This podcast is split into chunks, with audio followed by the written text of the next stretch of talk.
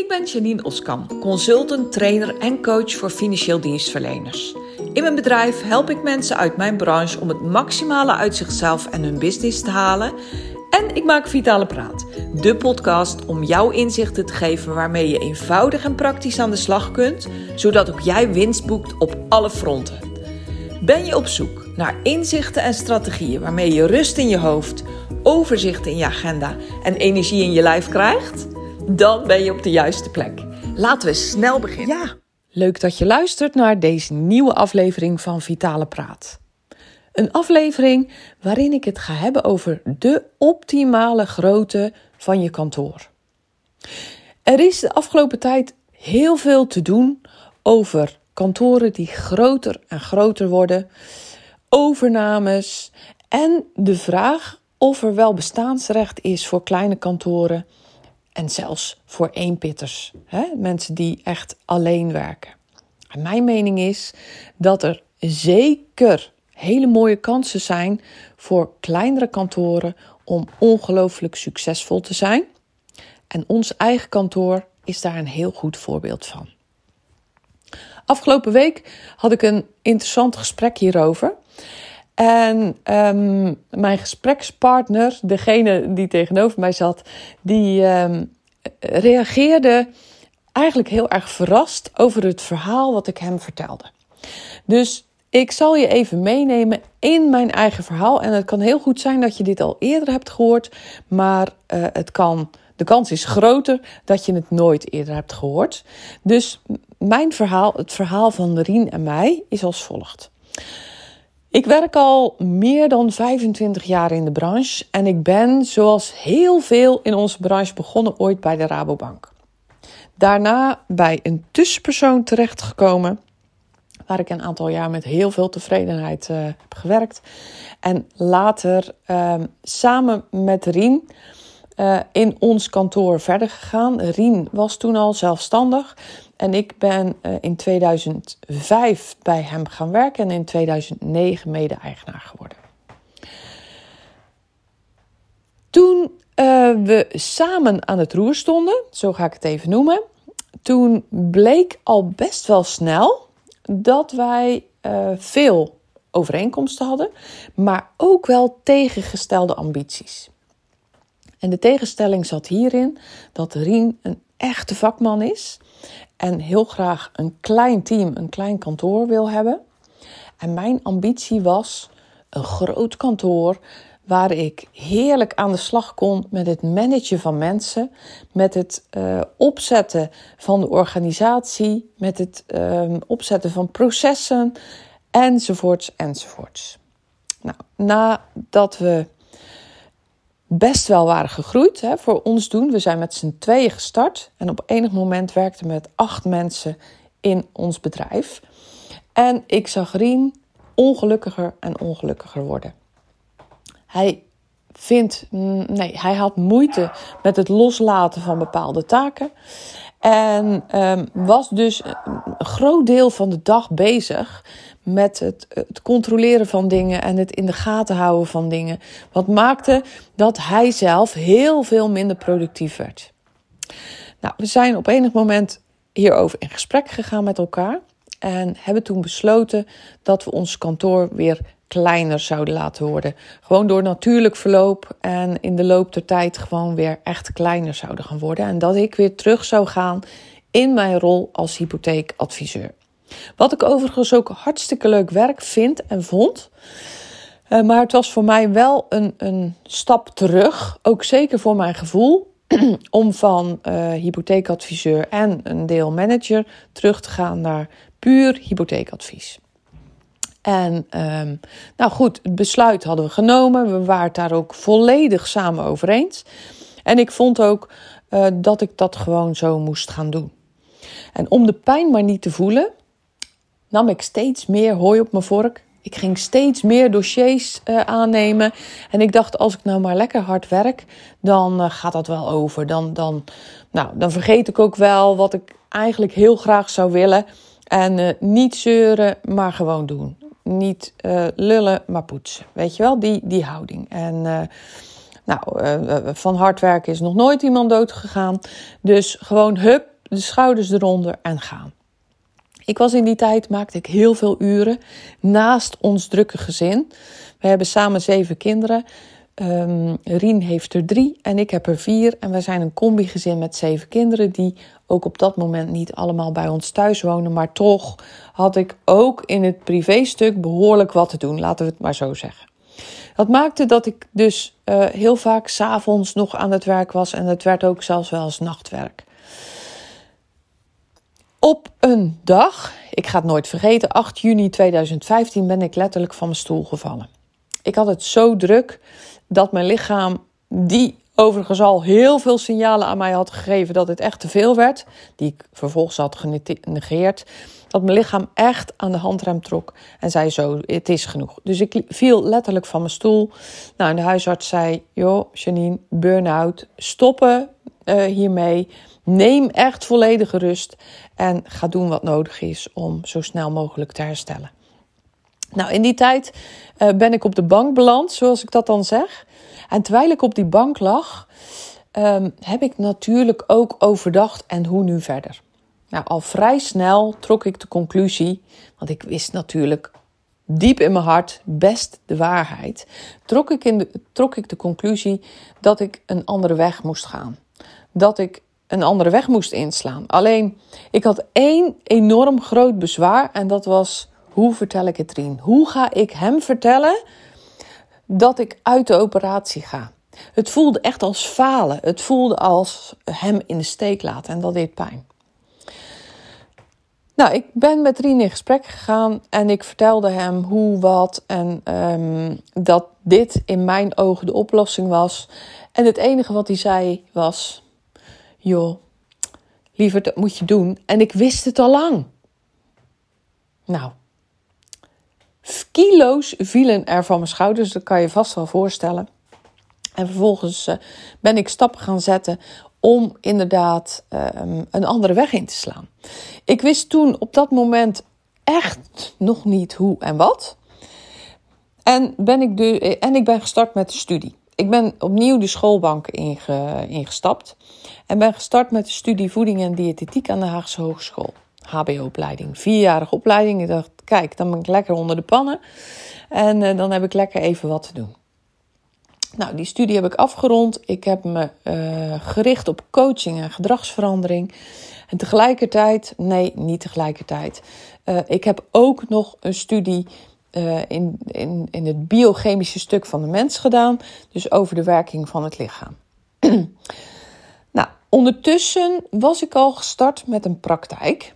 Waar ik mensen hielp met lichamelijke en ook wel mentale klachten. maar dat beviel me niet echt. Ik ben toen op een gegeven moment overgestapt. Nou, op zich beviel het me wel, maar uh, het, het waren niet. Uh, het was niet mijn ideale klant, laat ik het zo zeggen.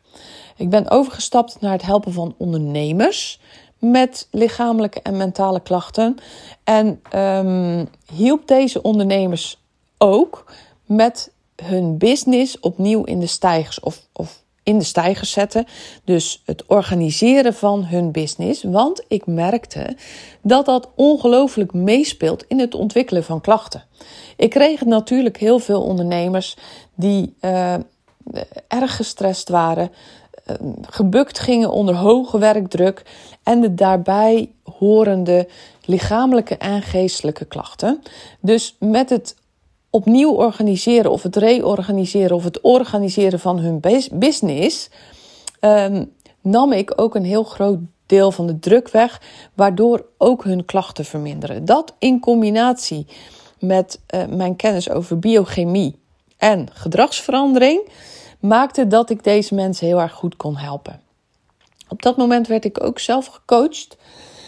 En um, in een sessie, ik ga het nooit vergeten, zei mijn coach tegen me, Josjanine, nou moet me toch eens even iets van het hart. Ze zei, als ik met jou praat over je werk, dan heb je het enthousiast over het helpen van de ondernemers. Ze zegt, maar minstens één keer eh, per gesprek heb jij het over mijn branche. En dan heb je het niet over het werk wat je nu doet, maar dan heb je het over de verzekerings- en hypotheekbranche. Ze zijn, dat vind ik toch wel heel erg bijzonder en enorm interessant.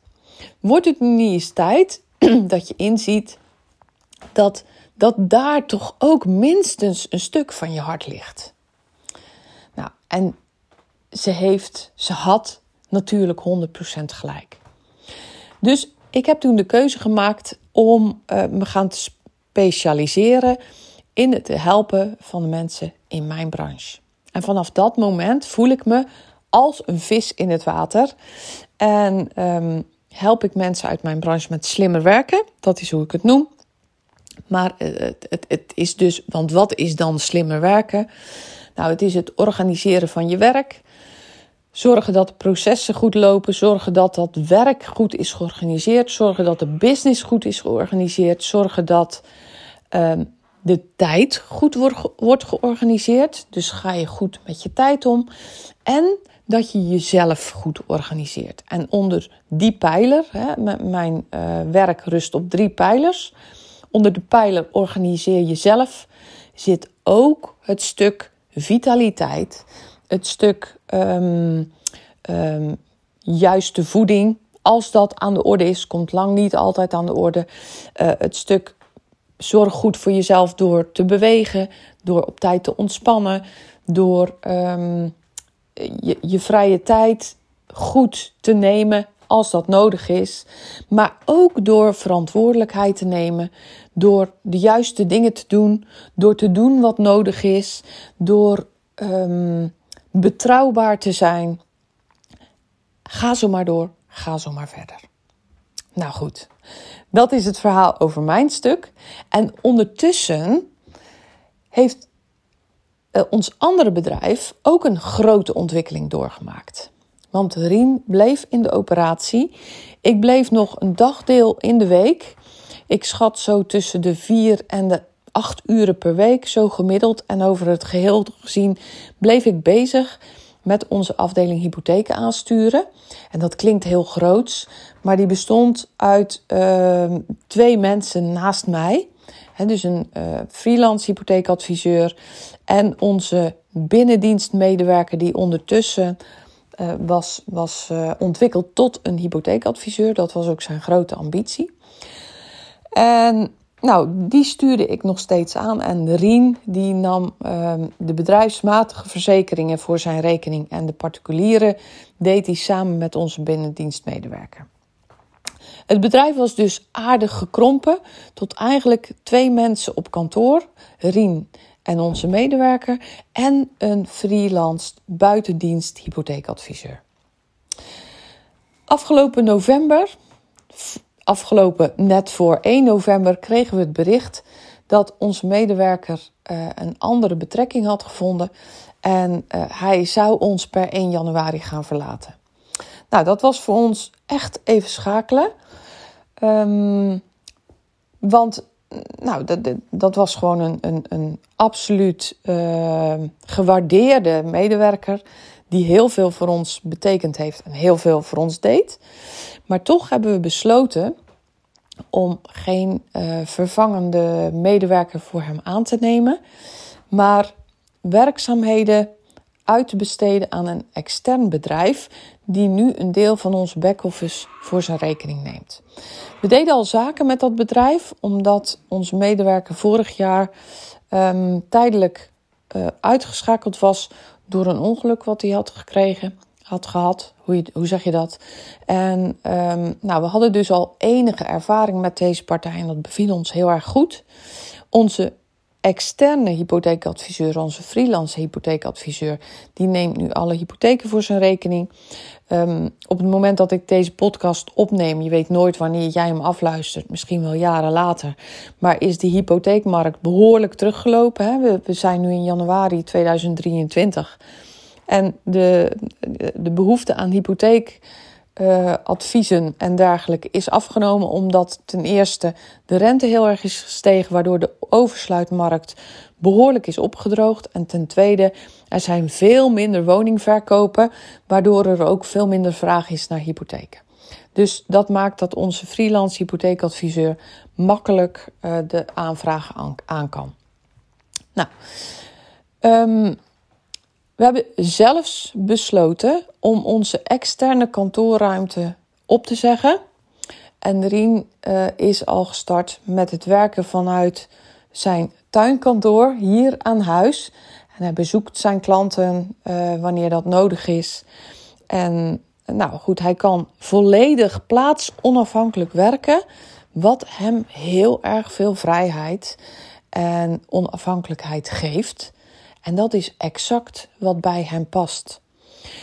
Dus wat het punt is wat ik wil maken in deze aflevering is dat um, kijk alsjeblieft wat goed bij jou past. En schakel hulp in. Dat is sowieso iets wat ik altijd heel erg adviseer bij iedere grootte van een bedrijf. Schakel hulp in waar nodig. En wat bedoel ik daar precies mee? Nou, wij schakelen nu hulp in van een extern bureau, wat voor ons de back-office werkzaamheden, um, ja, wat ons daarin ondersteunt. Dus die ons dat uit handen neemt. Maar ook de hulp van bijvoorbeeld um, een, een brancheorganisatie die je kan ondersteunen met allerlei procedures, met formulieren, met, um, met van alles en nog wat is hulp inschakelen. Uh, hulp inschakelen is ook stel dat je algemene voorwaarden wil, uh, wil wijzigen of wil opstellen, dat je daar externe hulp voor inschakelt. Het zij ook weer die branchevereniging, het zij een andere expert. Um, nou, eh, eh, zo kan je onnoemelijk veel dingen bedenken waar je hulp bij inschakelt. En trouwens, uh, ik zelf ben ook een externe hulpfactor die je kan inschakelen om jouw bedrijf te laten floreren, om het maximale uit jezelf, maar zeker ook uit je business te halen. Dus ook dat is hulp inschakelen. Op het moment dat jij echt gaat kijken naar wat is voor mij een ideale business, wat past echt bij mij, want er is dus een groot verschil of je een vakmens bent, zoals Rien dat is. En die vindt het dus heerlijk om met zijn vak bezig te zijn. En die, nou, die, die is gewoon veel minder blij met het managen van een team. Als dat het geval is, dan is dus een klein bedrijf wat voor jou perfect is. En het is maar net hoe jij het organiseert. En mijn advies is: organiseer het goed met de nodige hulp. Maar als jij het goed organiseert, kan zo'n klein bedrijf ook mega succesvol zijn. Sterker nog, ik durf te beweren dat zo'n bedrijf, als dat echt het bedrijf naar jouw hart is, veel, veel meer succesvol kan zijn dan wanneer je een groot of middengroot bedrijf hebt. Tegen wil en dank, hè? Dus, dus tegen je eigen behoeften in. Um, ja, dan, dan zal dat veel minder succesvol zijn. Ik weet ik heb eigenlijk geen idee of dit een hele mooie lopende zin is, want ik wist niet meer precies wat ik daarvoor had gezegd. Dus, waarom vind ik het belangrijk om hier een aflevering over te maken? Eigenlijk ook um, waar ik al mee begon. In onze branche, in de markt, wordt er heel veel gesproken over overnames. En het moet allemaal groter en groter. En uh, als klein bedrijf heb je geen bestaansrecht. Hè? Die geluiden gaan wel eens. En ik ben het ermee eens dat je geen bestaansrecht hebt als je alles alleen wil doen. En zelfs daar moet ik mee oppassen, want ik ben ervan overtuigd dat er ook mensen zijn die zelfs dat talent hebben om al die ballen in de lucht te houden. Maar uh, slim werken vind ik ook dat je inderdaad waar nodig hulp inschakelt en daar budget voor vrijmaakt. En op die manier jouw prachtige kleine bedrijf mega succesvol maakt. En natuurlijk is er helemaal niets tegen middengrote of zelfs mega grote bedrijven. Helemaal niet. Want als dat is waar jij blij van wordt, als dat is wat, uh, ja, waar jouw kracht ligt. Hmm, al heb ik een beetje hekel hoor aan dat woord in je kracht zitten of zo. Maar ik hoop dat je begrijpt wat ik bedoel. Dan is dat natuurlijk prima. Zeker. Maar ik wil vooral in deze podcast pleiten voor het feit dat een klein bedrijf, hoe klein ook, zelfs een eenpitter, hartstikke succesvol kan zijn. Goed, Ik wil het voor vandaag hierbij laten. In ieder geval heel erg bedankt weer voor het luisteren. Heb je hier vragen over of denk je, poeh, ik zou hier heel graag eens met jou over praten. Ik zou hier heel graag eens even um, willen vragen of je met mij meekijkt. Dan kan je me altijd contacten. Stuur even een DM op social media, op LinkedIn of op Instagram. Um, het is trouwens, uh, zou het heel erg leuk vinden om met je te linken. Dus stuur me gerust een verzoek om te linken. Uh, stuur me een e-mail of een WhatsApp bericht. Kan allemaal. En ik kom er zo snel mogelijk bij jou op terug. Ik wens je zoals altijd een hele mooie, fijne dag. En heel graag tot een volgende aflevering.